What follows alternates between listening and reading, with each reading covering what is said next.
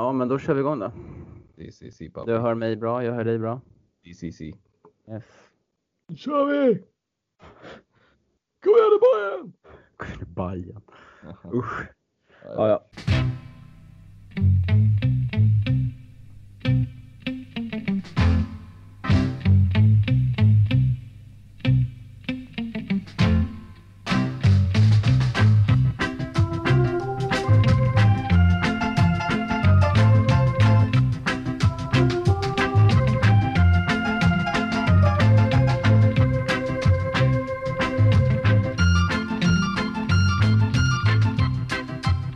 Hallå allesammans! Hjärtligt välkomna ska ni vara till ett nytt avsnitt av CSS-podden som är producerat av Chelsea Supporters Sweden och mitt namn är William Sjögren och tillsammans med mig här idag och i vanlig ordning så sitter Kevin Ståhlberg i sin, eh, sina 25 kvadrat på Hornstull.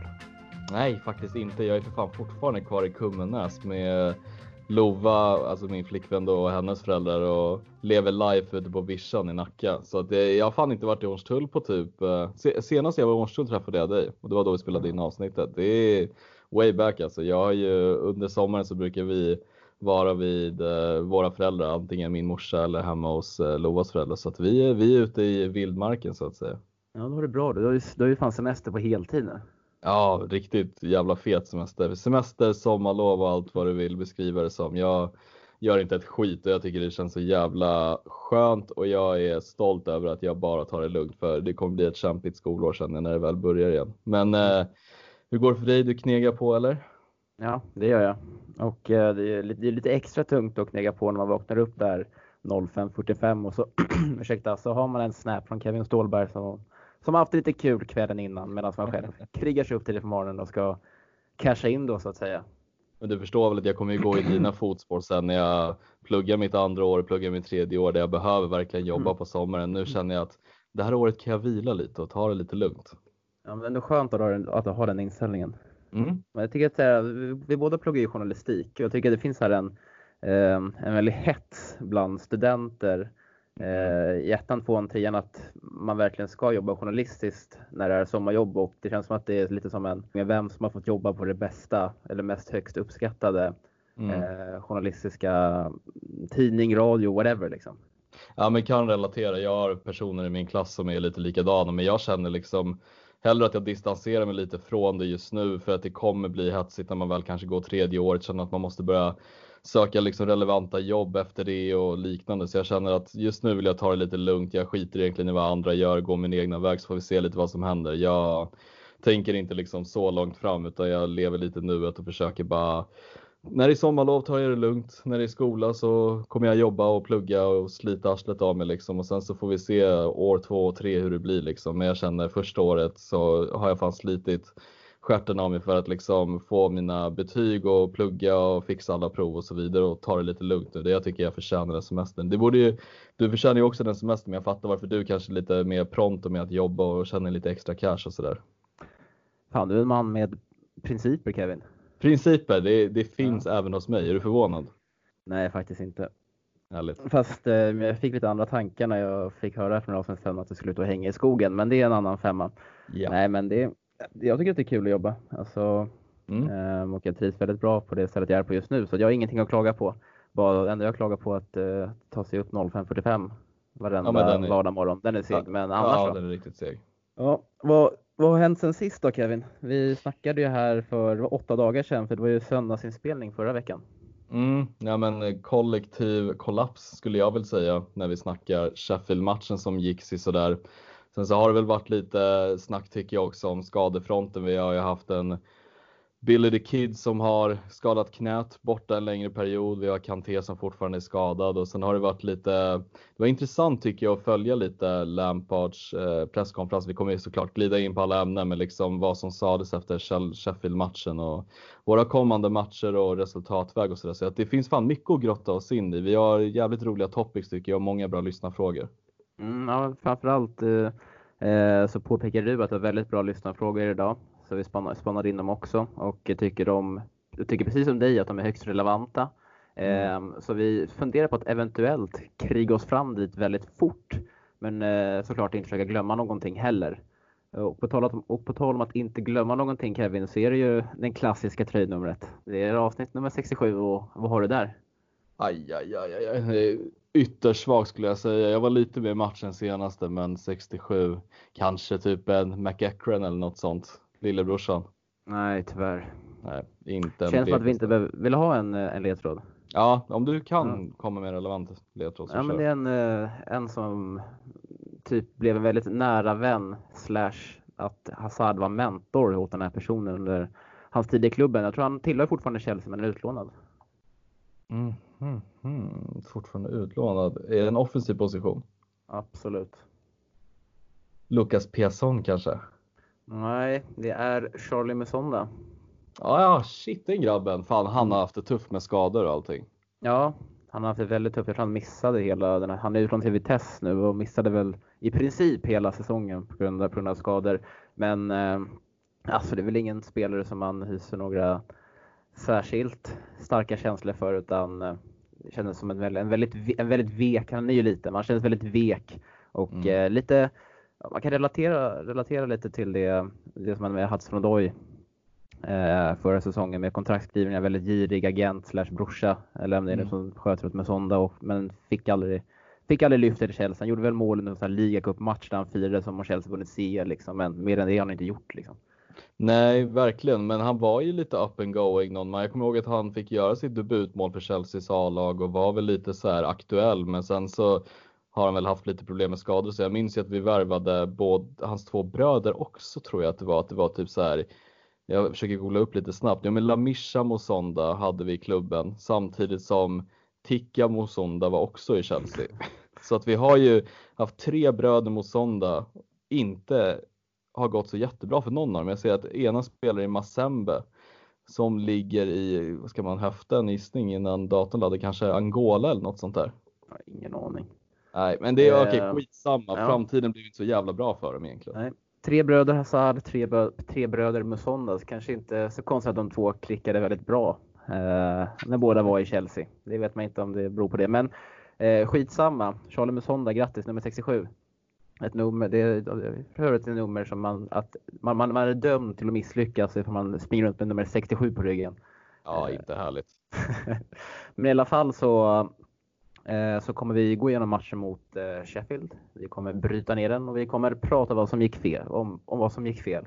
Sen ska vi även testa något litet nytt moment i den här podden. Vi kommer nämligen läsa upp en krönika som jag skrev 2018. Då ska Kevin ställa lite frågor kring den och komma med lite reaktioner. Sen måste vi även nämna att, ett, att City behåller sin plats i Champions League blev ju klart under förmiddagen. Att eh, den här avstängningen som de skulle haft på två säsonger upphävs nu från den högsta domstolen, CAS, i idrottens värld. Och sen sa vi att vi skulle svara på en del lyssnarfrågor som vi kommer göra efter vi har snackat igenom lite silly season och inför Norwich imorgon. Detta och mycket mer i CSS-podden. Nu kör vi!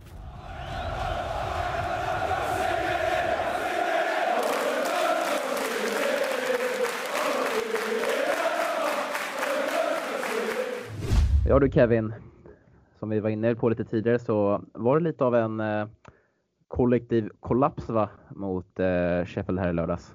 Mm, många, både i CSS-podden-gruppen och generellt sett på typ eh, sociala medier var ju jävligt snabba på att peka finger på många olika spelare, men det var ju en total kollektiv kollaps. Det var inte en enda lagdel som fungerade den här matchen. Eh, jag skulle nog säga att det var en rätt alltså, patetisk insats överlag tycker jag, för att det var Ja, det var håglöst. Det var riktigt hemskt att se. Det var, jag, blev, jag kände liksom så här från minut ett, jag vet inte om du såg liksom från matchstart liksom att Sheffield krigar till sig en hörna för efter typ 15 sekunder och Mount rensar bort den i straffområdet efter ett farligt inspel från deras vänsterback. Det var, nej, det var liksom värsta tänkbara starten och sämsta typen av taktik att genomföra den här matchen med. Så det var, nej, det var kaos verkligen.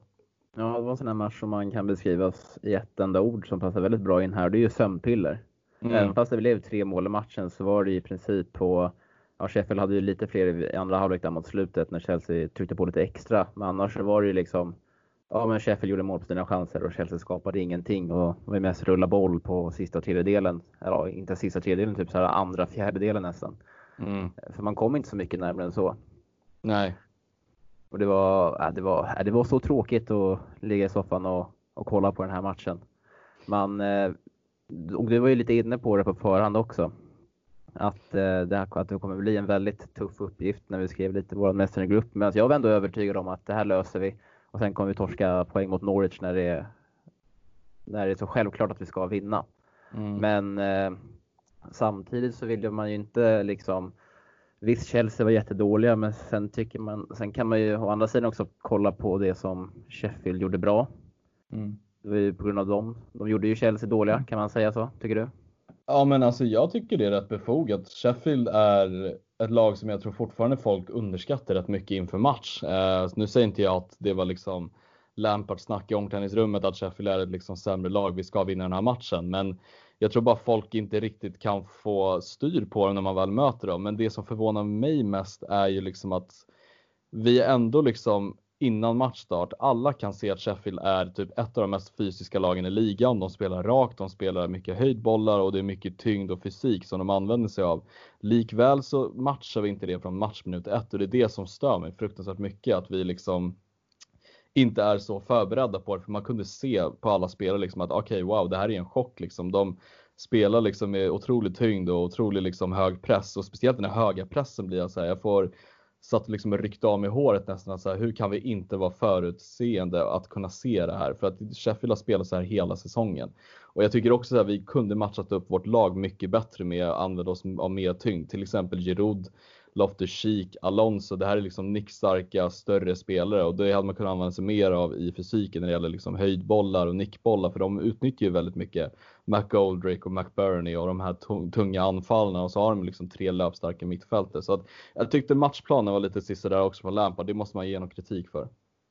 Ja, man blir lite förvånad faktiskt. Eller man blir glad, men jag, man, jag vill, jag, ville se Tab Abraham från start nästan varje match. För att jag tror ju på att eh, det är han som kommer fram till den kontra Jod. Men som varit inne på den här podden tidigare så handlar det ju nu mot slutet av säsongen att bara ta sig till Champions League nästa säsong. Och då är, är ju, är ju Jod ett bättre alternativ just nu. Mm. Jag är ju helt med det där på att eh, vi borde matcha deras fysik mycket bättre.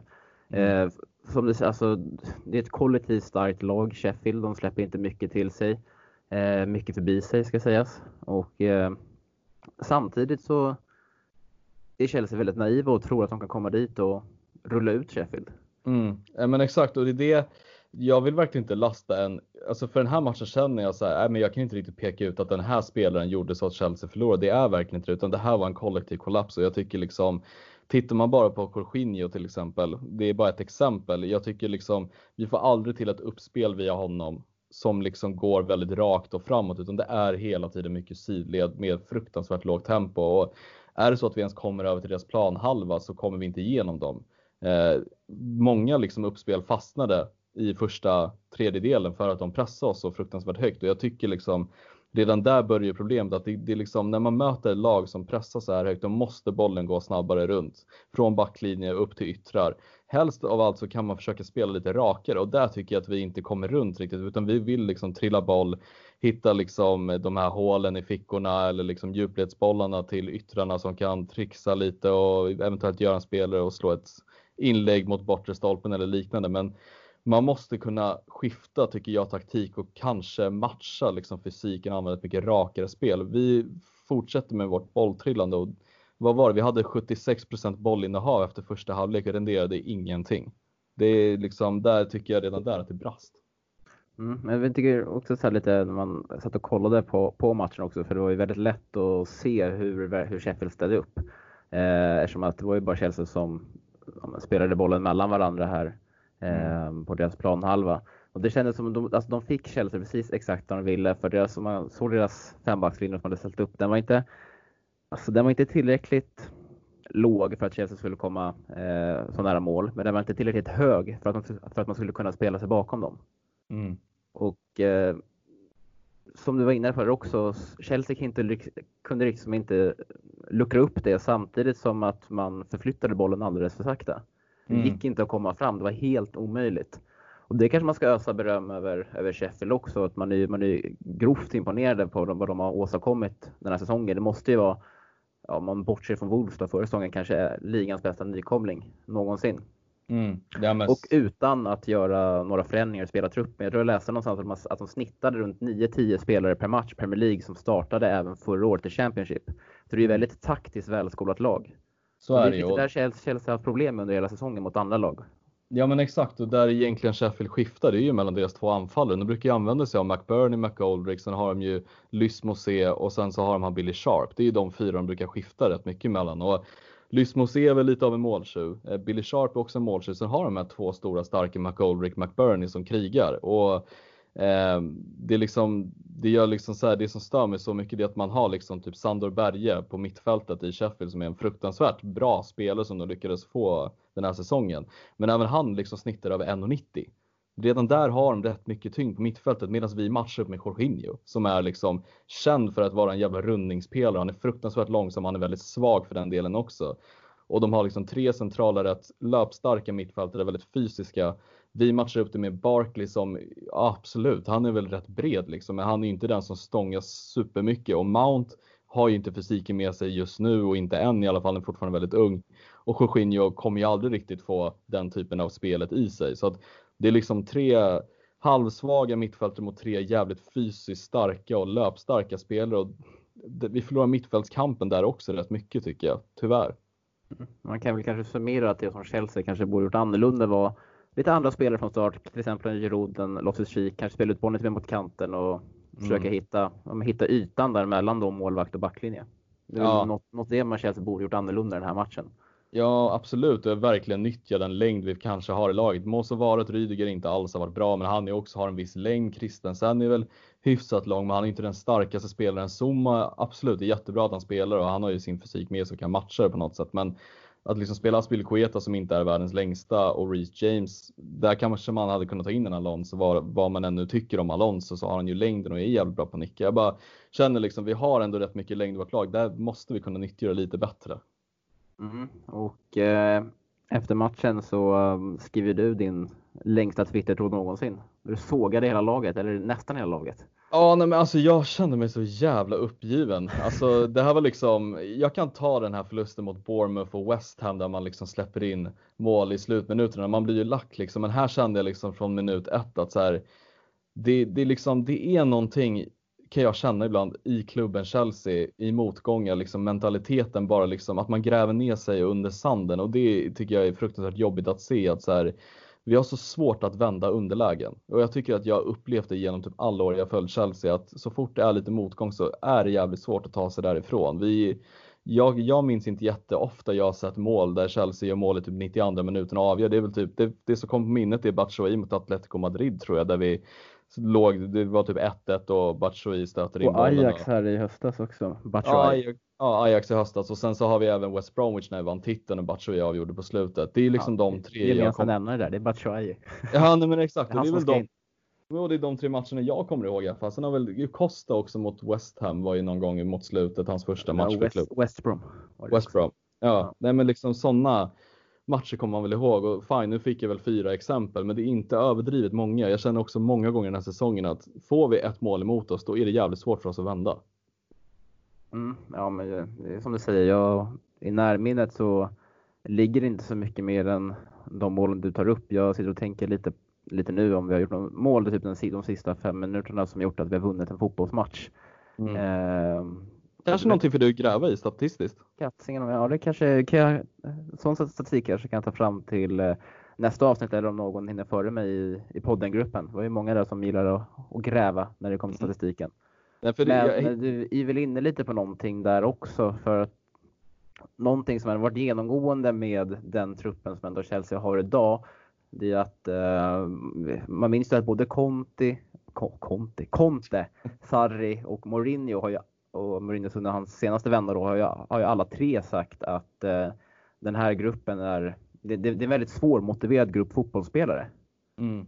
Och liksom, då har vi ändå haft rätt många spelare i klubben under deras tränarperioder så att jag säger inte liksom att i själva klubben Chelsea så är det en bristande mentalitet bland alla spelare som är där, men det känns, jag kan verkligen förstå deras citat för att jag känner många gånger att det är någonting med mentaliteten i klubben Chelsea som händer när vi väl spelar och ligger under. Vi har svårt att liksom ställa om och göra en rejäl jävla vändning. Det är liksom, det är sällan jag kommer på matcher där jag säger oh, wow, fuck vilken stark mm. mentalitet den här gruppen har. Det är, Men, jag, jag har jättesvårt att känna det. Men är det inte ändå en ledares uppgift att se till att sina eh, spelare i det här fallet då är motiverade?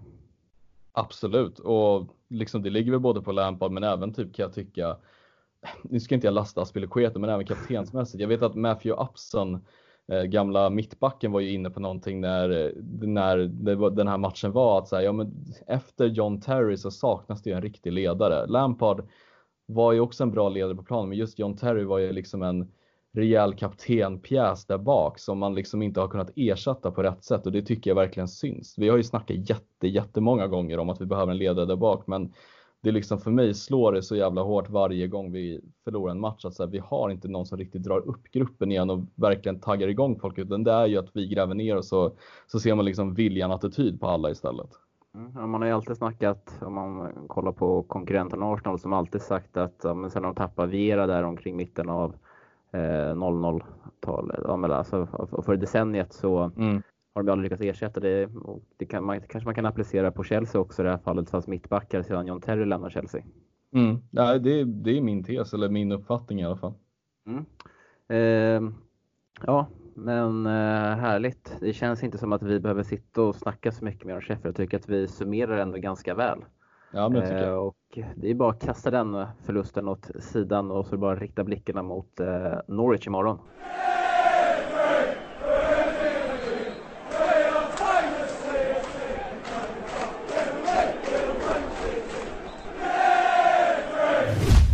Vi tänkte att vi skulle testa någonting nytt här idag och eh, efter den här säsongen avslutad så kommer vi att sätta oss ner, jag och Kevin, och eh, analysera våran poddsäsong och titta lite på vad vi tänker förbättra inför nästa säsong helt enkelt. Och eh, tänkt på lite på att eh, det hade varit kul att kanske läsa in lite krönikor inför under avsnitten så kan man komma med lite reaktioner på direkten, spontana känslor och så vidare. Så vi tänkte vi testa med idag eftersom att vi har ett ämne som är väldigt hett diskuterat. Eh, framförallt i CSS-podden-gruppen och framförallt mellan mig och Kevin och eh, framförallt i hela mm, Chelsea supportled. Det finns många som försvarar honom. Det finns många som eh, ja, inte försvarar honom. Vi snackar då såklart om Andreas Christensen där, där bak och eh, 2018 i augusti någon gång så skrev jag en krönika på Svenska fans efter Chelsea Newcastle en match som Chelsea vann med 2-1. Där jag hävdade att eh, det är dags att börja, spe att, eh, börja spela in Andreas Christensen och skicka David Luiz åt helvete efter att han ungefär höll på med det som Andreas Christensen håller på med idag. Så jag tänker att jag ska läsa in den här krönikan för er så får vi se vart det leder. Är du redo Kevin? Jag är född redo. Kör hårt nu Wille. Ja, heter då krönika David Luiz ut och Andreas Christensen in. Andreas Christensen bör spelas in på David Luiz bekostnad. Och så börjar brödtexten. Jag gillar David Luiz. Brasilianaren är inne på sin sjätte säsong i klubben och har vunnit Premier League, FA-cupen, Europa League, men viktigast av allt Champions League med Chelsea. Det enda som saknas är en ligacuptitel för att göra troféskåpet komplett. David Luiz är en naturlig ledare som är omtyckt av sina medspelare och av ledarstaben. Men David Luiz har dessvärre alltid haft bristande egenskaper på fotbollsplanen och nu tycker jag att det är dags att på allvar spela in Andreas Christensen på brassens bekostnad. David Luiz gör all, alldeles för många misstag och i den senaste matchen renderade det ett mål. När bollen spelades in i straffområdet är Luiz helt omedvetandes om att Newcastles Joselu fem meter bakom honom påbörjat sin löpning mot bollen Louis står fastklistrad vid gräset och ser bara på när anfallaren nickar in kvitteringen för Newcastle i den 83 matchminuten. Det är så otroligt nonchalant försvarsspel, av, försvarsspel som kunde kostat Chelsea tre poäng. Och detta är återkommande när det gäller David Luiz. Felpositionerad, nonchalant och tar beslut som är över hans förmåga som fotbollsspelare. Det har följt med honom genom hela hans karriär och verkar inte vara någonting han kan förbättra. Andreas Christensen tog klivet upp som en mer ordinarie spelare under förra säsongen Dansken stod för en fin höst men föll upp med en ännu sämre, eller föll upp med en sämre vår. Misstagen Christensen stod för under våren kostade, honom en startplats som han hade, som han hade, som han sedan hade problem med att ta tillbaka. Men jag känner spontant att det är dags att återigen försöka spela in Christensen. Varför, tänker ni?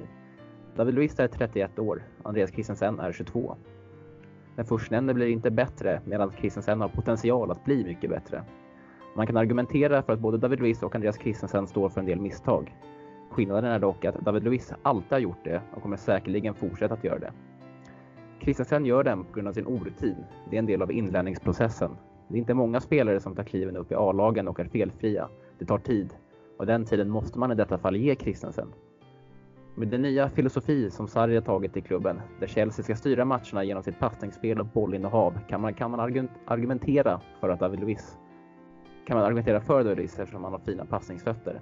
Men det gör även Andreas Christensen. För förra säsongen stod dansken för en passningsprocent på 94 procent till skillnad från David Luiz som säsongen 16-17 då han var mer ordinarie stod för en passningsprocent på 82 procent.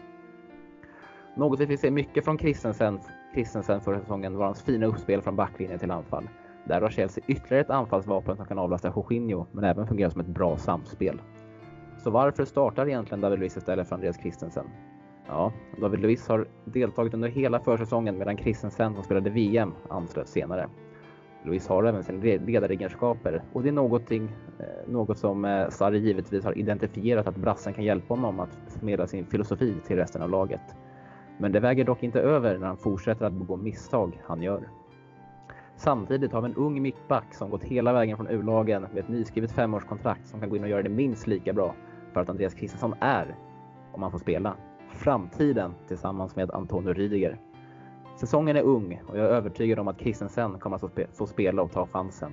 Det kommer nog inte ske förrän Europa League och ligacupen startar i mitten av september. Men jag säger in med Christensen direkt, redan mot Bournemouth till helgen. Ju snabbare, desto bättre.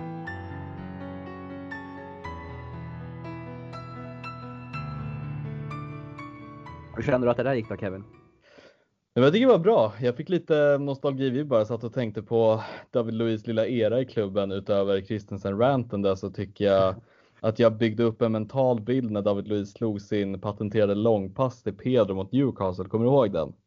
Det har alltid varit. Uh, det var en långboll från backlinjen han kör en no-look pass, kör med en vänsterdoja från, alltså han klipper alla lagdelar, kör en höjdboll bakom backlinjen från Newcastle och Pedro skarvar in den bakom Dubravka. Jag bara... Ja, ja, det var ju förra säsongen på hemmaplan ja. Exakt, exakt. Jag fick en sån jävla mm. flashback till den. Men det här syftar på bortamatchen. Eh, mm.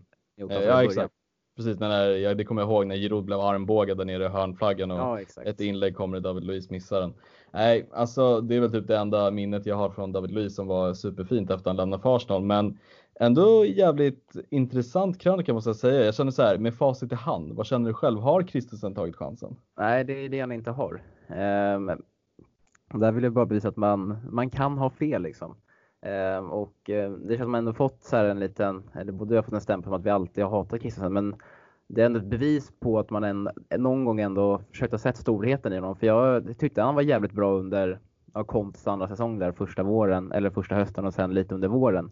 Men sen mm. dess har han, han har ju aldrig kommit upp i nivå. Och ett nyckelord som jag tycker att man kan ta, ta ut ur den här krönikan, det är ju inlärningsprocessen. Mm. Som jag benämner att uh, det är en del av inlär, inlärningsprocessen att Kissensen begår de här misstagen han har gjort. Men jag kollade upp det. Han har, sen jag skrev den här krönikan så har han spelat 44 matcher från start i Premier League, Europa League och Champions League och det har fan inte blivit bättre. Nej, det är lite det som är problemet med Christensen som i alla fall från, vad ska man säga, det finns ju som du säger två sidor. Man skyddar honom eller så hackar man på honom och just vi som hackar på honom. Jag tycker liksom att den tiden han har fått på sig är jävligt mycket. Alltså, han har ju i princip aldrig riktigt varit ordinarie en hel säsong. Det har han inte varit den här säsongen heller. Han har ju varit väldigt också mycket in och ut, men även fast han har spelat majoriteten av matcherna nu så har han ju aldrig tagit chansen. Eh, och ja, jag vet inte, jag tycker den här, precis som du säger, den här krönikan bevisar ändå att du har uppskattat honom. Jag vet att jag har uppskattat honom personligen, men det är liksom, det räcker inte till, det är inte tillräckligt för Chelsea för att man ska vinna titlar. Men jag har en liten fråga jag tänkte på. Mm. Var du ett stort fan av Husgård redan då eller? Ja, eh, alltid gillat Husgård. Det är ja. jätteint jätteintressant statistik man kan hämta därifrån. Um, och framförallt när man kollar på lag som man vanligtvis inte följer så mm. kan man liksom kika gamla startöver, betyg utifrån statistik och ja, man hittar ju all statistik där. Ja, mm. Jag gillar Husgård. Men också någonting jag plockade ut lite från krönikan som jag så tänkte på var så här, såg Sarri redan då att Christensen hade brister i både liksom fysik och positionsspel därav att han inte spelar så mycket? Jag vet inte, alltså jag, Christensen gjorde ju bara, han gjorde ju bara sex matcher för Chelsea i, i Premier League, sex från start, tre inhopp. Eh, mm. Men jag tror han, var typ, han spelade upp mot, han spelade nästan varenda match i uh, Europa League om jag minns rätt. Mm. Uh, jag vet inte, alltså jag, jag tror bara att uh, Sarri var väldigt förtjust i David Luiz. Mm. Vilket höll Christensen på kvisten, för där bredvid honom hade han ju en, en Antonio Rydiger som, som spelade. Och Christensen kom liksom aldrig in i laget. Mm. Men samtidigt som supporter var man ju så jävla less på David Luiz och det var ju framförallt det där målet med Newcastle som vi släpper in. Det är identiskt, exakt identiskt det som Christensen släpper förbi sig eh, mot Sheffield i, eh, i, matchen i helgen. Och som, som, du, som du beskrev, att han markerade gräset på andra sidan planen. Alltså han stod fastklistrad vid gräset och bara väntade på att bollen kom åt honom och inte, och inte koll på sin omgivning. De är alldeles för nonchalanta, de är fel i positionsspelet. Det, mm. De sliter håret av sig. Men ja, Christensen hade man sett göra det tidigare också, men som man ändå sa, alltså man ändå skriver den här krönikan så, så är Christian ung, David Luiz är gammal, det finns potential till förbättring. Mm. Och också liksom skillnaden på, precis som du säger när man jämför liksom de två tabbarna båda spelarna stod för, så Christensens liksom brister tycker jag inte är lika synliga som David Luiz, för David Luiz går bort sig på liksom grova misstag som gör att man kan sitta och göra en compilation video om David Luiz på Youtube medan Christensen det är liksom så här, han, han, har, han är ju liksom så uttryckslös tycker jag som individ på fotbollsplanen så att man ser inte liksom de felen direkt om man inte liksom tittar på repriserna så här, aha shit, det där är ju Kristensens gubbe egentligen. Alltså det är så många gånger jag känner så här att det, det, man kan koppla så många försvarsmissar till Kristensens brister och nu är det inte bara för att hacka på Kristensen, det är såklart Rydiger har inte heller varit jättebra den här säsongen men jag tycker det syns väldigt tydligt på Christensen att han, det, det, är liksom, det är sjukt att han fortfarande saknar den rutinen på planen för han har ändå gjort, vad sa du nu, 66 matcher för Chelsea 44 totalt. matcher i eh, ja, men Europa League, Premier League och Champions League sen jag skrev den där krönikan. Och det är ganska mycket ändå. Eller jag, tyck, ja. jag tycker Då har ni några ligacupen och FA-cupen också, så det är upp mot 50 ja, säkert. Exakt. Och också ett intressant citat som du har från krönikan är ju, jag kan citera. Det är så otroligt nonchalant försvarsspel som kunde kosta Chelsea tre poäng. Detta är återkommande när det gäller David Luiz. Felpositionerad, nonchalant och tar beslut som är över hans förmåga som fotbollsspelare. Passar ju helt perfekt på Andreas Christensen just nu. Mm. Jag tycker innan vi lämnar det här åt eh, sidan så kan vi bara konstatera att det är ändå väldigt roligt att jag har som argument att Christensen har en bättre passningsprocent än, David Luiz. det är som man försöker greppa efter halvår liksom för att hitta, hitta argument liksom till varför man ska spela in eller till varför krönikan är relevant. Liksom. fina, fina krönika. Ja. Men eh, det här är kanske någonting vi, ni får jättegärna komma med feedback om, eh, för vi satt och funderade lite på om man kanske skulle inför varje avsnitt skriva upp en lite kortare krönika än det här då så får eh, den andra personen som eh, sitter i podden får reagera på den live och så blir det ett härligt diskussionsämne. Så kom gärna med feedback om det här skulle kunna vara ett eh, format som ni gillar i kommande säsongs podcast av CSS-podden.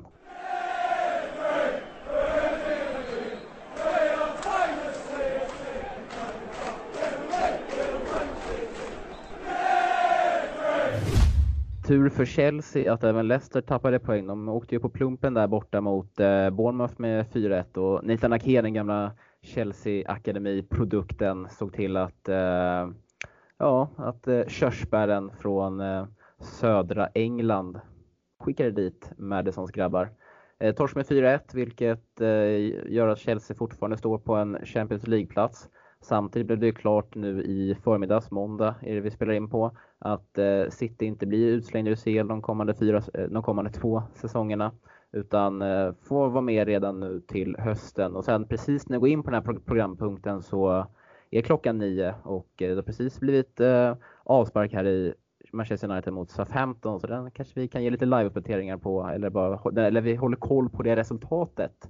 Mm. Men vi bör inte konstatera mer än att Leicester på poäng men att City behåller sin plats i CL. Kevin, vad känner du kring det beslutet? Eh, alltså självklart kan man vara bitter på CAS eh, för att det aldrig liksom tas några konsekvenser mot Man City och till exempel PSG som man har känt väldigt länge att de går runt Financial Fair Play på ett ganska bra sätt. Samtidigt fick vi vårt förbud hävt så att det blir ju liksom så här konstigt som Chelsea-support att gå in och argumentera om det och säger inte att vi inte ska göra det. Eh, sen så tycker jag, jag har inte läst domen så jag är inte helt liksom utvecklad på hur det har artat sig och liknande men jag tycker också att man ska inte liksom förlita sig på KAS för att KAS har ju visat förr att man liksom har egentligen slopat de flesta straff som de klubbar har fått. Det har liksom blivit straff för olika klubbar från de olika förbunden i de olika länderna. Sen har ju Cas gått in och hävt det mesta så att det är lite konstigt att man har en högsta domstol som inte agerar så mycket. Mm, men jag, läst, jag har läst lite eh, kring det här under dagen och eh, det slutade med att de dömdes till böter på 10 miljoner pund tror jag det var, eller om det var euro, pund eller euro 10 miljoner i alla fall. Eh, och det är bara till grund på att de inte var samarbetsvilliga i Uefas utredning mot dem, att de inte ville liksom ge, dem, ge Uefa materialet de, de behövde, vilket står bland Uefas regler att man måste göra. Mm. Så det var bara det de, det de dömdes för. Men det fanns ju tydliga bevis eh, på City där att de hade eh, ja, men att de hade mixat lite med bokföringen och eh, använt pengar de egentligen inte skulle fått använda för, eh, ja då med FFP Financial Fair Play. Men eftersom att de här bevisen eh, är framtagna på grund av eh, att, det var att på grund av ett olagligt intrång i eh, Citys databas så kunde inte CAS använda dem. Mm, de blev okay. helt, eh, de blev helt eh, strukna i deras utredning och då fanns det inte så mycket för dem på att eh, anklaga City för. Förutom då att döma dem till att City inte var samarbetsvilliga i Uefas utredning. Så det är så jättemärkligt att City är på något sätt finns bevis för att de har fifflat men eh, KAS kan inte döma dem för det för att bevisen som har tagits fram till det här är eh, tagits fram på ett, tagits fram på ett olagligt sätt. Och det styrker väl också tesen om att fotbollen är tyvärr rätt smutsig. Och det är mm. liksom inte bara City, det är inte bara PSG och även Chelsea har ju fått sitt förbud av den anledningen de fick det. Men det tyder ju också på att det är mycket skit som försiggår som inte vi fans kan se. Och det är ju hemskt att det fortfarande är så för man tänkte liksom efter den här raiden i Fifa när Blatte fick avgå och liknande att det kanske skulle bättras men det, liksom, det händer ju saker fortfarande. Fifa verkar inte heller vara helt, ha helt koll på läget och de domstolarna liksom skickar straff hit och dit men det händer ju inte så mycket efter det blir aldrig konsekvenser. Så att, jag vet inte, prekär situation. Det känns som att fotbollen är liksom rätt smutsig med pengar och bokföring och det är tyvärr, det är modern fotboll numera. Sannerligen och eh, jag tror liksom att, eller vill inte säga att jag vet, men jag vet fan att det pågår fiffel i alla klubbar så man ska kanske inte bara Nej, eh, skicka City över en kam här bara för att det var de som blev utredda i det här enskilda fallet. Så, men eh, ja, ja, så det avgörs väl ändå på sportsliga grunder och man kan inte förvänta sig att en femte plats kommer leda till Champions League-spel nästa säsong. Och på tal om nästa säsong Kevin så är ju silly season i sitt esse, vad säger man, esse, esse? Esse. Esse. Det, det är sitt esse just nu. Ja. Och eh, vi kan väl börja med att eh, Kutroma tydligen har eh, riktat blickarna från Stamford Bridge nästa säsong.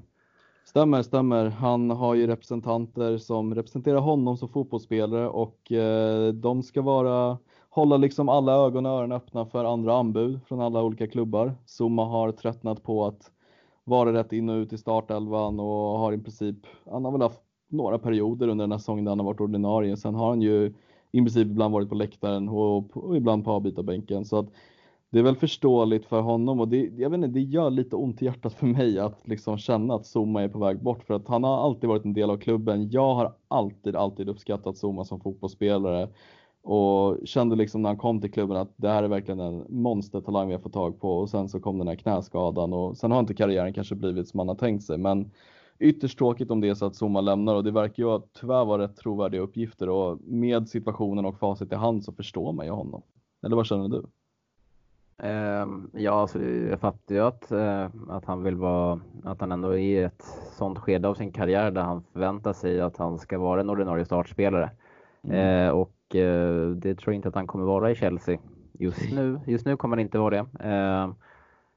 Även fast han blivit väldigt hyllad den senaste tiden så tror han aldrig kommer känna sig riktigt given och det, han, kommer inte hinna göra, han kommer inte hinna få den känslan heller under de här återstående matcherna som är kvar av säsongen. Så att, eh, som du säger, han har varit i klubben sen, alltså han signade väl 20, vintern 2014 och kom till sommaren där.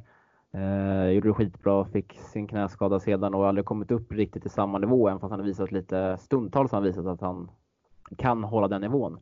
Mm. Eh, men jag vet inte om det gör så jävla mycket med mig att eh, Kurt Zuma ska lämna. Nej, jag tycker det är sorgligt fan. Jag har alltid gillat Zuma. Ja, men man gillar ju han, alltså man gillar ju Zuma, men alltså han är väldigt spektakulär att kolla på ibland och man, hans brytningar och han har en imponerande snabbhet med tanke på sin fysik. Eh, mm.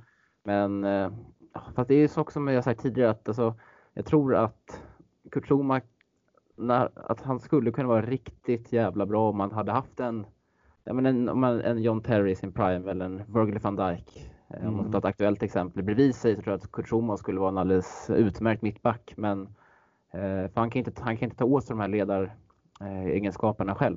Nej. Nej, men jag instämmer såklart. Och det är som det är med Zuma. Men om vi ska röra oss vidare till en ännu mer defensiv front så är det ju såklart målvaktsfrågan som kanske är väl den som har jäckat oss hela säsongen med Kepa och vi behöver inte gå in på Kepa och hans säsong. Vi alla vet vad det är för typ av prestation spanjorerna stått för. Men det ryktas ju en hel del på målvaktsfronten. Det är ju alltifrån Onana Henderson som är de liksom absolut vanligaste ryktena och då är det Henderson från Sheffield United utlånad från, United, eh, från Manchester United som det ryktas om. Och det har väl varit lite de här senaste dagarna att Chelsea ryktas ha representanter som har snackat med Onanas representanter och att de har en kontakt och kollar över möjligheterna eventuellt värva honom. Men någonting som var intressant var ju ett rykte för två dagar sedan tror jag att det blir. Eh, var någon timme innan avspark mot Sheffield typ? Ja men precis och då är den här turkiska målvakten Ugurkan Chakir och någon får gärna rätta mig på uttalet. Jag höftar som in i helvete. Men det är liksom en turkisk målvakt som spelar för Trabzonspor. Eh,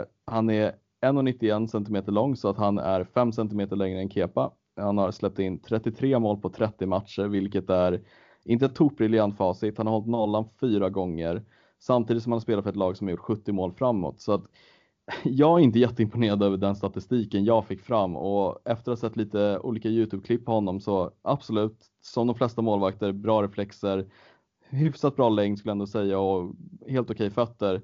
Och han sägs gå för ungefär 350 miljoner kronor sådär. Men det är nog inte en målvakt jag hade velat se i Chelsea i alla fall som, som första målvakt. Jag tycker inte att facit, det facit han haft den här säsongen är inte jätteimponerande eller den statistiken och liksom släppa in 33 mål på 30 matcher och hållit 4 nollor. Det, jag vet inte, det höjer ju inte jättemycket eller vad känner du?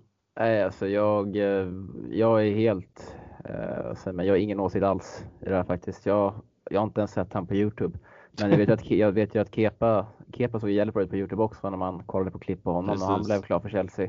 Eh, så det kanske man inte ska göra så mycket av men eh, har ju flaggat lite för här att man gillar ju, man gillar ju Hosgård, det gör man ju. Mm. Och det står ju som du säger att han har schyssta reflexer, eh, kan ha, ha bra koncentration och det krävs väl och han är bra på att rädda skott som kommer, närhet, som kommer nära honom och eh, han är bra också på att rädda, lång, på, på att rädda långa skott. Så att läser man till hans styrkor så eh, är det en jävligt bra målvakt. Men vad som är lite grädde på motor är också att när man kollar på hans svagheter så står det att han inte har några. Mm. Säg väl mer om Husgård eller eh, vad tycker du? Äh, nej men fan, Husgård kan ju inte förutse liksom hur bra den här målvakten är. Men realistiskt så känner jag att vi har bättre alternativ på marknaden. Eh, sen så är det här en turkisk tidning som har gått ut med uppgifterna och de har liksom gått så långt och sagt att Chelsea har kommit överens om en summa med klubben. Och mm. Ja, vad tänkte du säga? Nej, jag tänker att om, om, det även om det ändå är turkiska medier som går ut med det här så, så tycker ändå jag att det, höjer, att det höjer trovärdigheten med tanke på att det känns som att de turkiska medierna där har bäst koll på de turkiska klubbarna. man kan ju tänka att eh, det är många pampar i de turkiska fotbollsklubbarna som läcker till pressen. Ja, det är det ju i och för sig. Absolut. Jävligt bra tes. Eh, nej, absolut. Sen är det Haber 365 är ju en tidning jag inte har hört talas om tidigare och det är kanske för att jag inte är så jävla insatt i turkisk fotboll. Det kanske är en jättestor tidning, men. Det känns som, som... att Haber 365 står för nyheter alla dagar, dygnet, eller dygnet runt året om.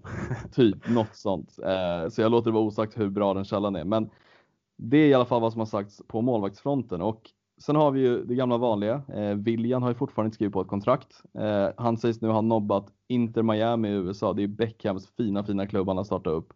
Eh, och eh, varför är för att han sägs vilja spela Champions League oavsett vilken klubb han kommer spela för. Så att eh, det blir ingen Miami för William. Jag hade ändå kunnat se honom glassa runt där på playan och sitta och drinka lite drinkar och kanske tjacka en restaurang, starta upp någonting där och glassa resten av karriären.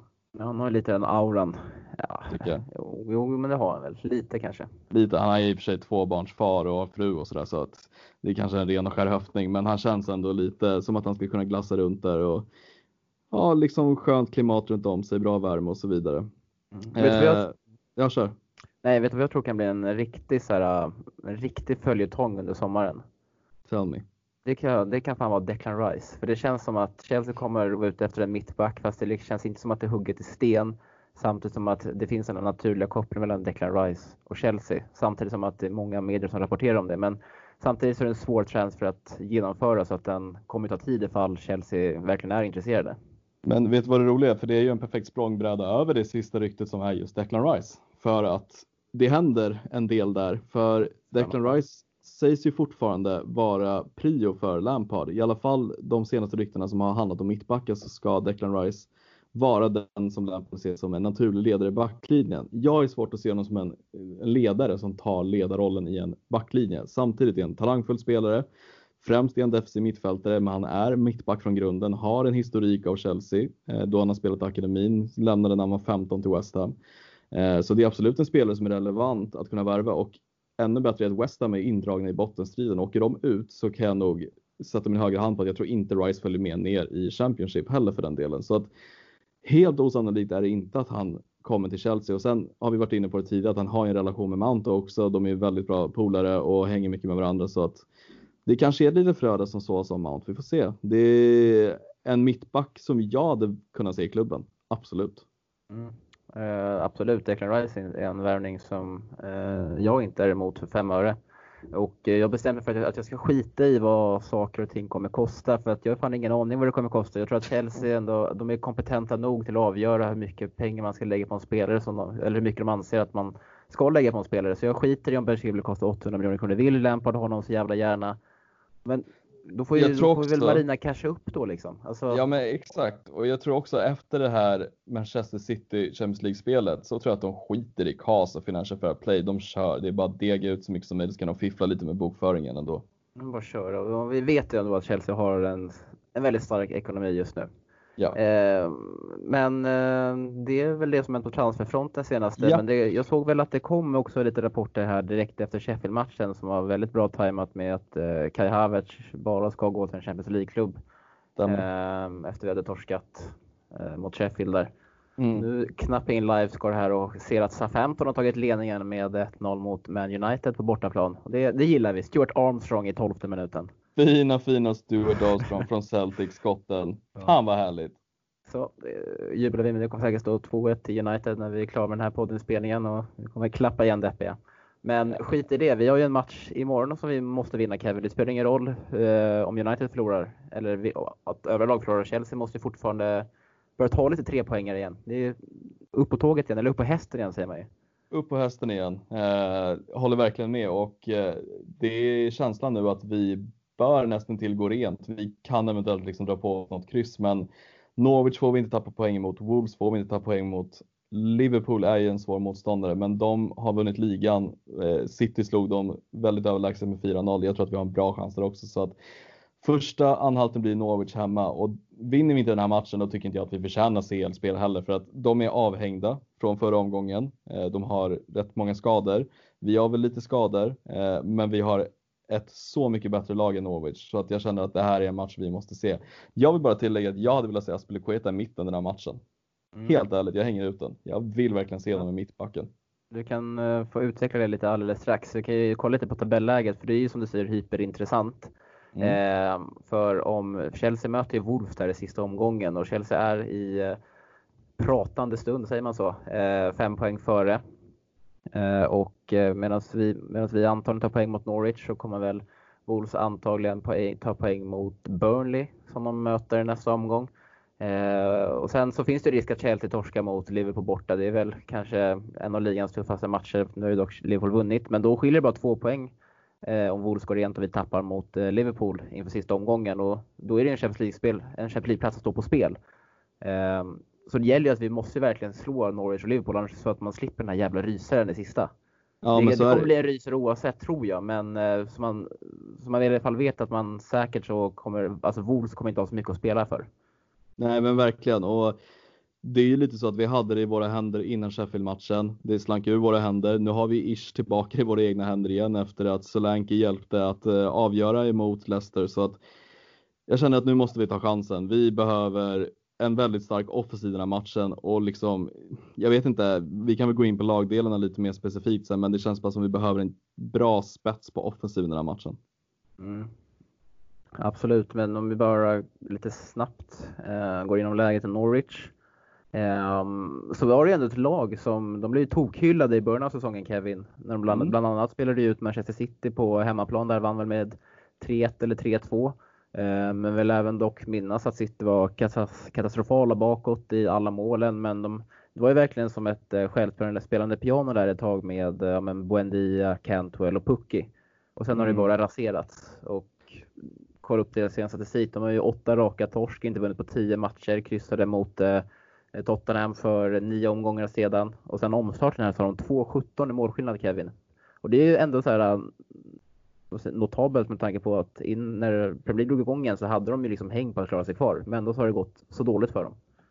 Ja, och det är väl lite konsekvensen av att man inte har en tillräckligt bra spelartrupp. Det är ju ett av de lagen som inte har värvat speciellt mycket och har förlitat sig mycket på gratisvärvningar även när de var i Championship och har väl stärkt upp med några nyförvärv. Men det är ju inte några som sticker ut jättemycket och Temo Pukki hade ju en extremt bra period där i början av säsongen. Sen har ju hans mål, måltjuveri avtagit lite och man har ju inte riktigt kunnat ersätta honom på något sätt och avlasta honom. De, Buendia började väldigt bra, Pukki var väldigt bra, Cantwell är en väldigt bra spelare tycker jag och kommer säkert gå till en bra Premier League-klubb om de, eller om de, de har ju de är klara.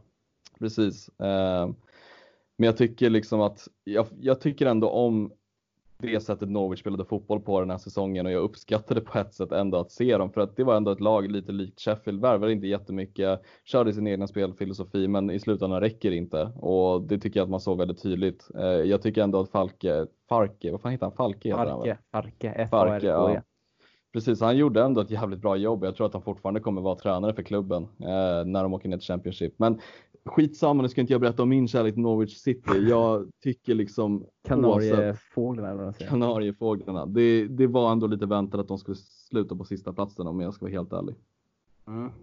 Ehm, efter matchen mot Sheffield så sa Lampard I learned a lot today and I won't forget that tonight. Vad var det han lärde sig Kevin som han tar med sig inför den här matchen? Jag tror att han kände att vissa spelare inte kommer att vara kvar i klubben efter säsongen. Så tydde jag det i alla fall och specifikt inför den här matchen möjligen att några kommer att få sitta på bänken och inte spelas mer. Det kanske blir väldigt tydligt här vilka som inte är önskvärda inför nästa säsong, de som sitter kvist här. Det tror jag. Det, jag. Den känslan fick jag när han sa det. Han sa det på ett väldigt bestämt sätt och jag har även förstått som att många Twitter-korrespondenter också för Chelsea då har varit också inne på det spåret att det här är någonting som verkligen klargjorde hans tankar inför nästa säsong. Mm. Eh, du kan utveckla, du ska få chansen att utveckla ditt, eh, eller utveckla varför du vill se Aspelekueta som mittback. Men jag kan vi, kan vi väl bara konstatera att vi behöver inte prata så mycket om läget i Chelsea för ja, det tycker jag vi gjort nog med tanke på hur vi gick igenom matchen mot Sheffield. Men vi kan väl konstatera att N'Golo Kanté kommer missa matchen. Sen eh, att Gilmore har dragit på sig, har ju, har ju opererat knät och är borta 3 till 4 månader och Tomori fortfarande inte redo för spel. Så innan eh, vi tar ut varsin startelva här Kevin så kan väl du förklara varför du gärna ser Aspelekueta som mittback den här matchen? Ja men lite kort bara. Jag tycker inte att någon mittbackskonstellation har fungerat speciellt bra. Det har väl varit perioder i matcher eh, där det har liksom känts ja, lite mer stabil än andra. Sen så har vi en Rydiger som är i en otroligt dålig form. Tomori är skadad. Eh, Zuma har väl varit helt okej. Okay. Han var väldigt dålig mot Sheffield men har väl gått in och gjort det helt okej. Okay. Eh, Christensen tycker jag har varit under all kritik. Han hade en stark match mot City, that's it. Jag tycker inte han har imponerat speciellt mycket. Och då känner jag bara att vi kan utnyttja Alonsos offensiv på vänsterkanten. Han är kanske inte den bästa defensiva spelaren men han har en vass fot, han har en vass inläggsfot, frisparksfot och har väldigt bra nick, han är väldigt nickstark liksom. Så jag känner att James Alonso på varsin kant och Aspilicueta i mitten kommer gynnas för att Norwich har Temo Pukki oftast längst fram. Det är inte den längsta spelaren och det är inte den mest Nej. fysiska spelaren och där tycker jag att Aspilicuetas fötter och kanske lite mer positionsspel kommer till sin rätt i den här matchen. För jag ser liksom inte ett större hot från någon speciellt fysisk spelare. Buendia, Pukki, Cantwell, det är kvicka tekniska spelare och där kan Aspelikueta behövas i mitten för att styra upp ett och annat. Han har spelat mittback några gånger och har väldigt bra spelsinne och han, har även han kan även, även kompensera liksom brister i positionsspelet med sin snabbhet för han är ändå hyfsat snabb fortfarande. Mm, nej, men jag köper det helt och hållet. Uh, framförallt när det har det kanske blir då att Lampard här att han uh, lärde sig mycket och kommer inte glömma det genom att skicka Christensen och kompani på bänken och göra ett statement med att sätta in och spela som mittback. Det vet man ju inte. Nej, det hade varit uh, kul. Det kan vara någonting. Men du har ju dragit in backlinje här om jag bara drar min startelva lite snabbt då. Så jag faktiskt, jag blir lite såld där på din, på din försvarskonstellation så jag, jag går in på den. Eh, sen tar jag vid att vi kör en Kovacic eh, på det centrala. Jorginho på bänken och sen kör vi, fortsätter vi med, eller vi fortsätter, vi kör Mount och eh, Loftus-Cheek på eh, bredvid eh, Kovacic där. Och sen så kör vi eh, Pulisic, Giroud och eh, man är ju spänd på att se Hudson Odoi men jag tror ändå att William kommer starta. Mm. Och vem tror du längst fram? Jag tror det är Giroud. Giroud sa du? Ja, sorry. Nej precis, för Giroud var den jag tänkte på jag vill se längst fram. För bara en liten instickare till Sheffield-matchen. Jag tyckte Abrahams positionsspel var så fruktansvärt dåligt så jag vill se Giroud i den här matchen. Han tycker jag har övertygat mycket mer de gångerna han får chansen. Mm. Men hur som helst, eller hur som haver, så är det en match som vi bara ska ta tre poäng och helst göra det med ja, två, tre mål också. Ja. Det här ska inte bli nervigt för fem öre. Nej.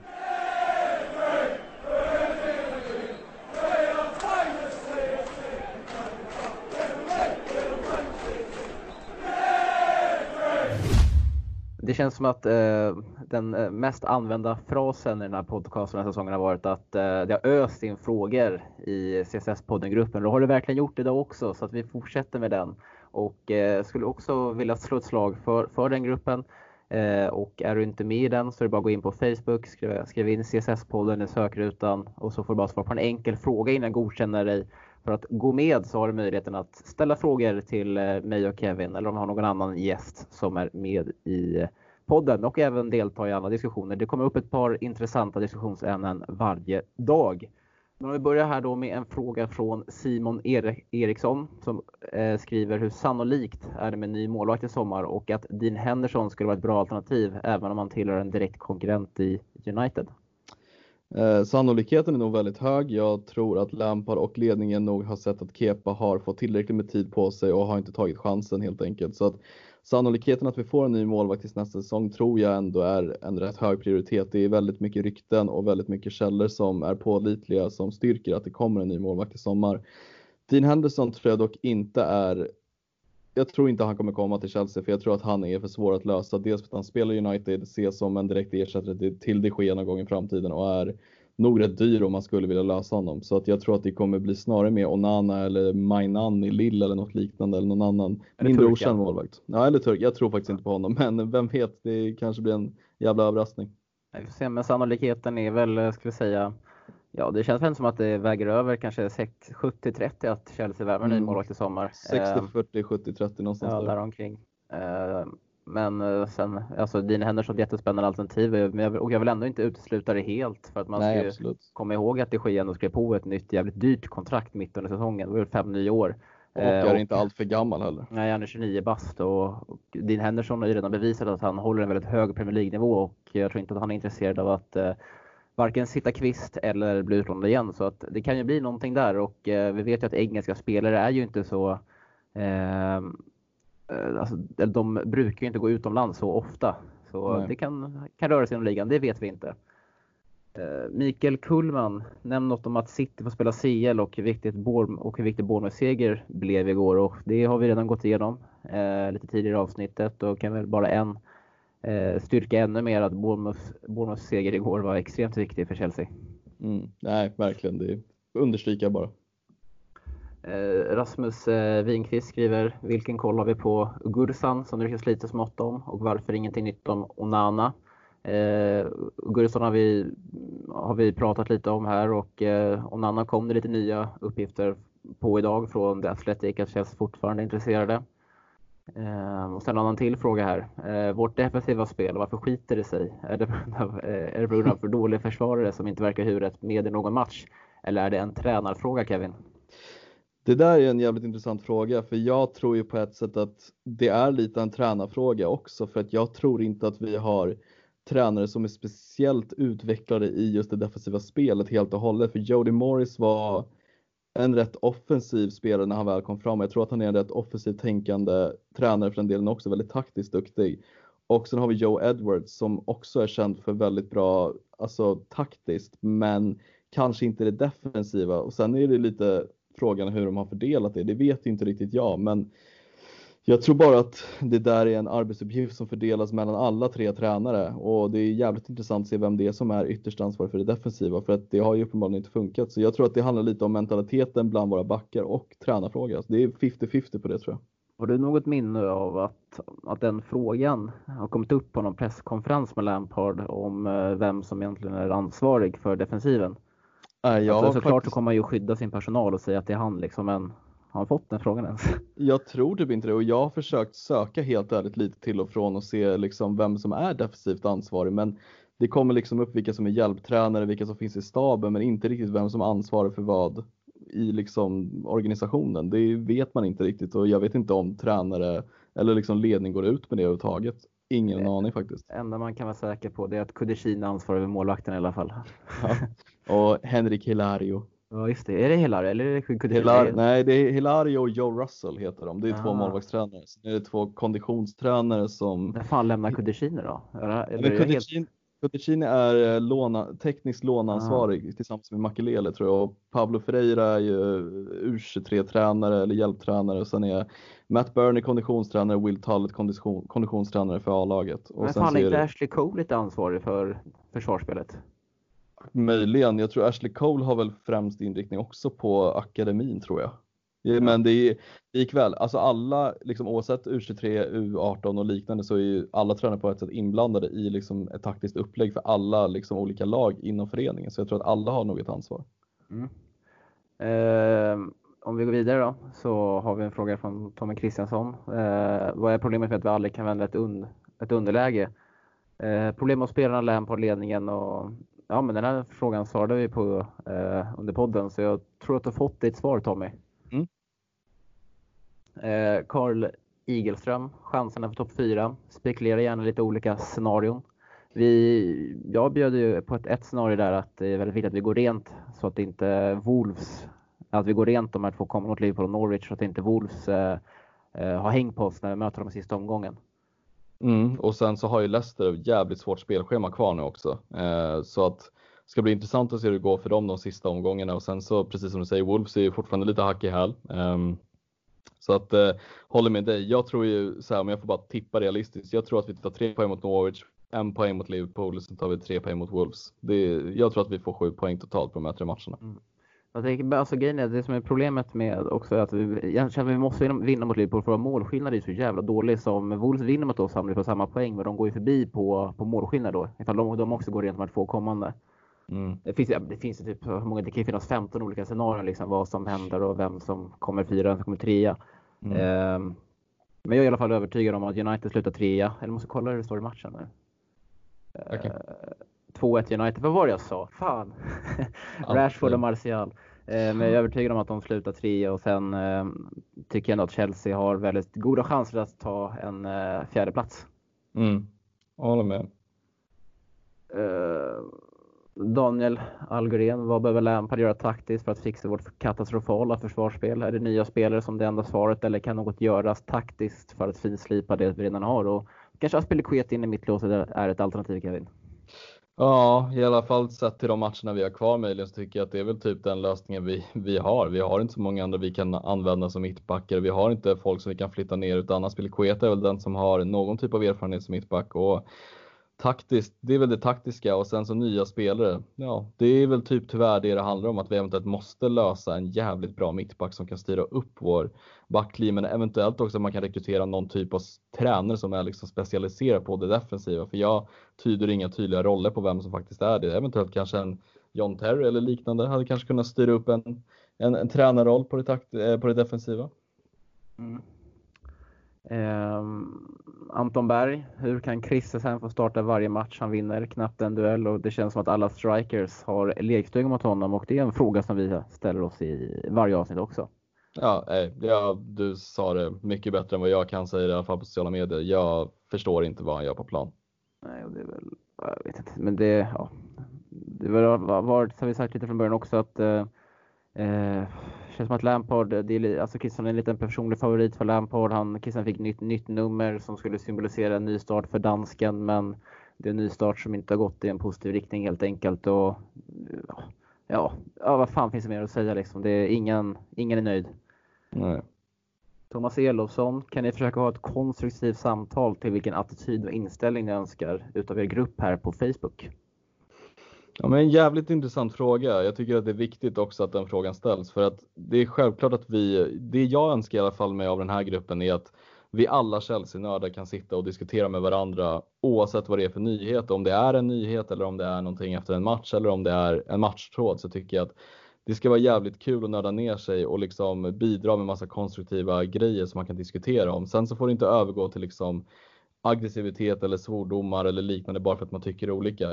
Jag är jävligt inblandad i diskussioner och jag tycker det är skitkul att skriva med alla olika människor som har olika perspektiv på saker. Jag lär mig varje dag av det och så länge man inte liksom tar åt sig på något sätt utan det här är liksom Chelsea vi pratar om. Det är en klubb vi alla brinner för. Det ska vara kul att snacka om det så att det ska vara liksom sköna samtal och en positiv inställning och jag ser också att man ska liksom, det är klart att man kommer hacka på olika spelare och det får man liksom ta, annars så ska man nog inte vara en del av den här gruppen. Man ska liksom, vi är här för att vi ska kritisera på ett positivt sätt och på ett negativt sätt.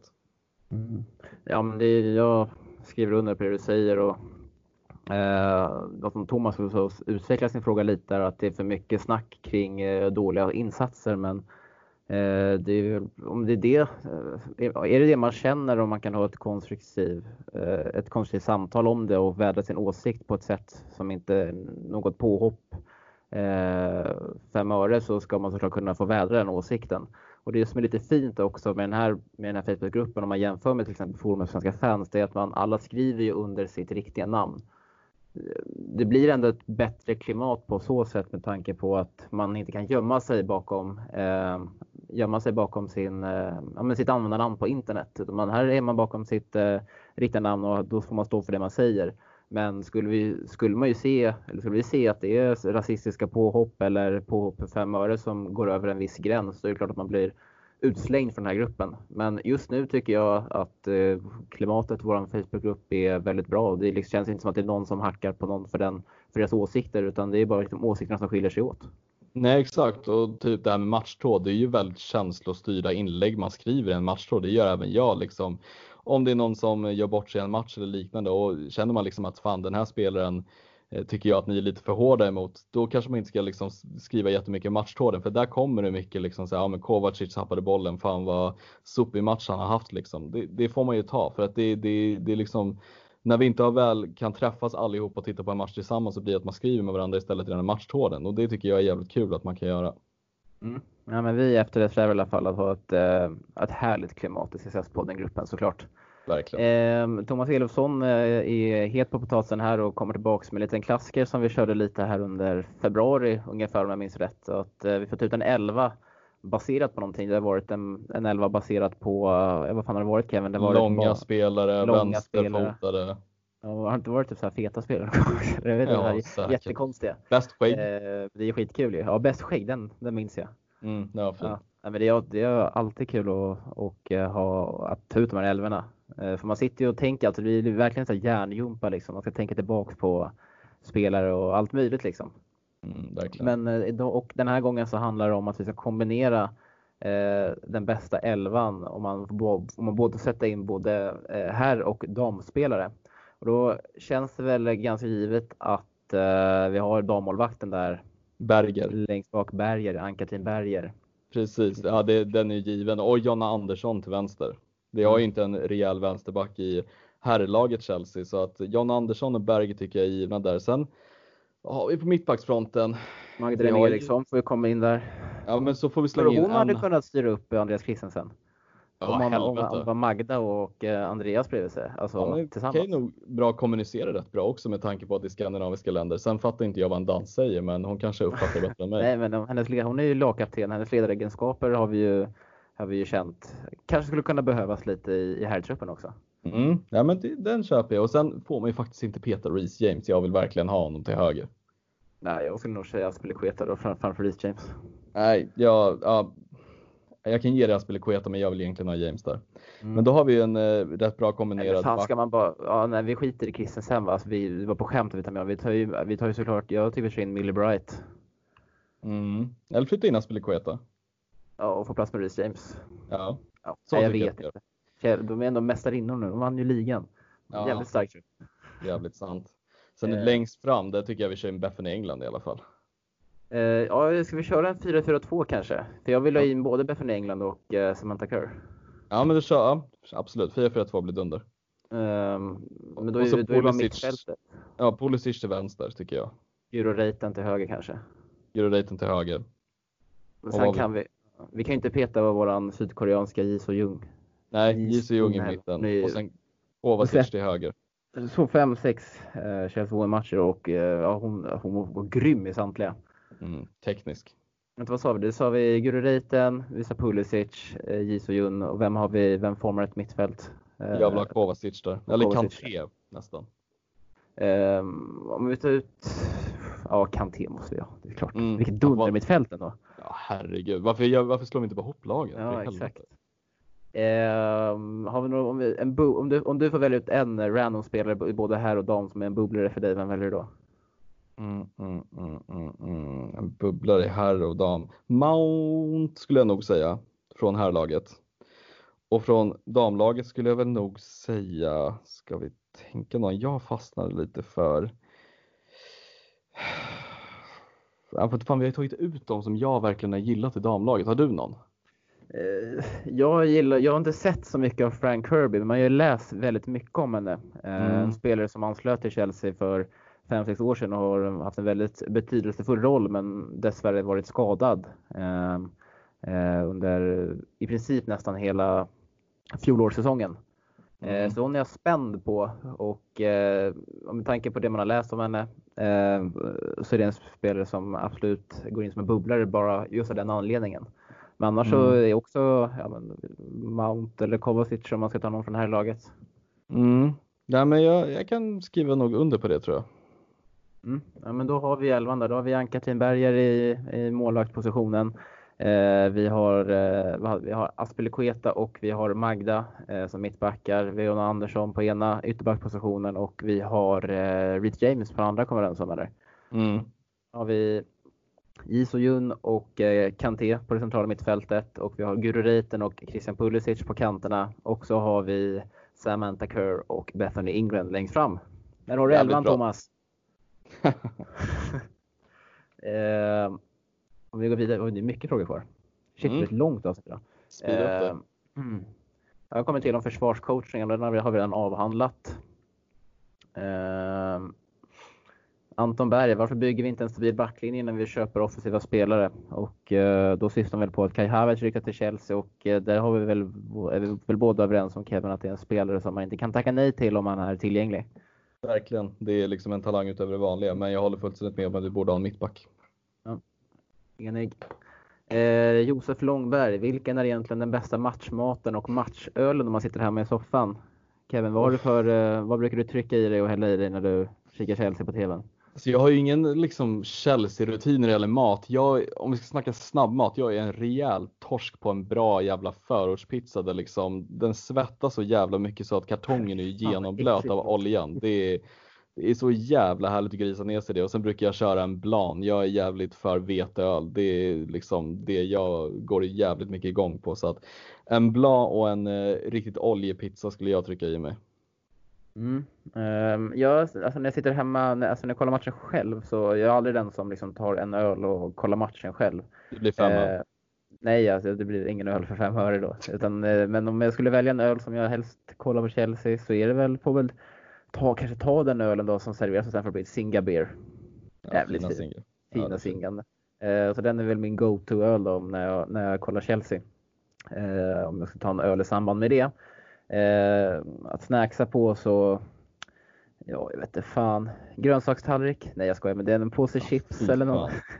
en påse chips är väl väldigt eh, synonymt med mat och fotboll kan jag tänka mig. Jag vet att alltså, det, liksom, jag har aldrig någonting så här. Uh, alltså, är, är, är det middag, alltså spelar Chelsea 18.30, ja men det blir ofta att man pressar middag i samband med matchen. Är det så här lunchmatch, det lunch, är det mm, eftermiddagsmatch, då tar man alltid något mellanmål. Det kan vara allt från, ja men typ chilinötter brukar jag fan äta mycket, alltså när det är match bara tar fram. För det finns typ alltid hemma liksom. Mm. Chilinötter, det är, nice. Det är nice. Eh, jag har ju en fin bild på dig på Stamford Bridge när du trycker en korv inför matchen. Mm. Eh, mot Everton där. Jag tänkte, tänkte posta den i, som eh, svar på hans fråga där. Men sen kom jag på att eh, frågan var ju riktad till eh, vad man äter om sitter hemma i soffan och då var det ju faktiskt på plats. Så, ja, jag mådde inte bra i magen efter den korven kan jag säga. Mm. Eh, Sofia Lundgren, råkade hoppa över här. Jag scrollade lite för fort här bland, i tråden. Hon skriver, hur kan William, som i övrigt har fina fötter, ständigt slå så usla hörner? Ja, alltså jävligt bra fråga. Det är också någon grej jag tänkt på att det känns som vi aldrig gör mål på fasta situationer längre. Um, jag tycker Mount borde ansvara för hörnorna oftare. William har ju bra frisparksfot, men utöver det, ja, det är inte jättebra hörnor så att uh, varför inte switcha runt lite? Mm. Ja, men det är en fråga som jag också ställer mig väldigt ofta. Sofia, att uh, hur, uh, ja, hur William kan ha så extremt usla hörnor. Eh, så det är väl dags. Mount har slagit lite. Några var han slagit Kevin. Jag ja, har inget minne av om det har, om det har givit något, något bättre resultat. Nej. Men det är väl förbättring Vi kanske Ziyech har väl ett bra tillslag. Det kanske är någonting för nästa säsong. Uff, shit, när du nämner Ziyech till Chelsea, det blir kittla till. Kittla till. Eh, Rasmus Gustafsson, vet att ryktet går fram och tillbaka kring en försäljning av Kanté. Hur ställer ni er till det? Ja, alltså jag har ju varit ute nu i två avsnitt och rantat om att jag ser Kanté som den viktigaste byggstenen egentligen i vårt mittfält med det, det, den taktiken Lampard just nu väljer att spela med lite mer två löpstarkare centrala mittfältare, lite mer offensiva och tycker att Kanté behärskar den defensiva ensamrollen mycket, mycket bättre än vad Jorginho och andra spelare gör. Så att jag vill ju jättegärna att han är kvar och får verkligen bygga upp sig inför nästa säsong och vara helt skadefri, då tror jag att vi har ett jävligt bra SC rockar. Men för Kanté har inte fått bevisa sig så jävla mycket den här säsongen. Uh, nej, jag håller kvar Kanté. Uh, jag gillar Kanté, men jag kan ju fatta att uh, om att ska man casha in på dem så är det antagligen nu i sommar eller kanske nästa sommar. Mm. Men personligen så vill jag ha kvar honom. Uh, ska vi avsluta då med en fråga här från Rasmus Winqvist som, som både får inleda frågestunden och avsluta den. Eh, han skriver att Onana har börjat följa Chelsea på Instagram och vad säger podden om detta? Och, eh, jag älskar ju dina spelare. Ja. Alltså det måste ändå betyda någonting att om någon spelare följer helt, helt plötsligt, så, men det har kopplats ihop att så här, Onana han, eh, han har funnits på Chelseas radar i två månader, det har skrivits om det i lika många månader och sen helt plötsligt out of nowhere så droppas det, eh, så, så börjar han följa klubben. Det kan ju dock vara så att han är, han är ju jävligt bra. Det är ju, han och Ziyech var till bästa polare Ajax. Att han följer ja. Chelsea eftersom att eh, Seattle gått dit. Det vet man inte, men det, det, det, det har ändå någonting tror jag. Jag kan avsluta med ett eh, rykte jag kom över nu bara för 15 minuter sedan om du vill höra det. Kör. Det är att Chelsea have made John Oblak their number one goalkeeper target this summer. Kepa Arrizabalaga could be used in a part swap deal for Oblak och det här är John Cross som är chief author på The Mirror som har skrivit det. Ja, men det är en respekterad journalist och en respekterad tidning så att uh, det finns absolut någon substans i det skulle jag påstå. Och Jan Oblak, det kittlar till kan jag säga. Ja, men det kittlar till och det känns väl också rimligt eh, med tanke på att Chelsea varit ute efter Jan Oblak tidigare.